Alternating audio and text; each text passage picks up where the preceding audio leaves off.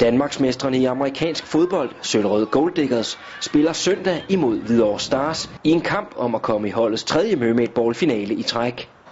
Og Golddiggers har masser af respekt for den kommende modstander. Hvidovre har to rigtig gode amerikanere, som vi skal passe på. Øh, en quarterback og en øh, tight end, som øh, spiller rigtig godt sammen.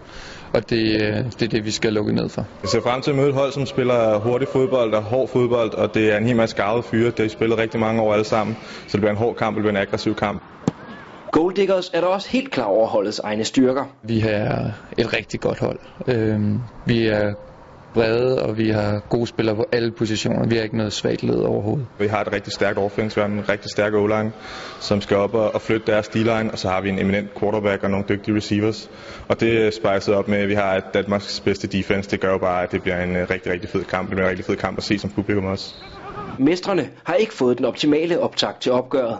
I den regulære sæsons sidste kamp tabte de nemlig 40-0 til sidste års sølvvinder fra Vejle, Triangle Razorbacks. Selvom I lige har tabt 40-0, så er I vel stadig favoritter?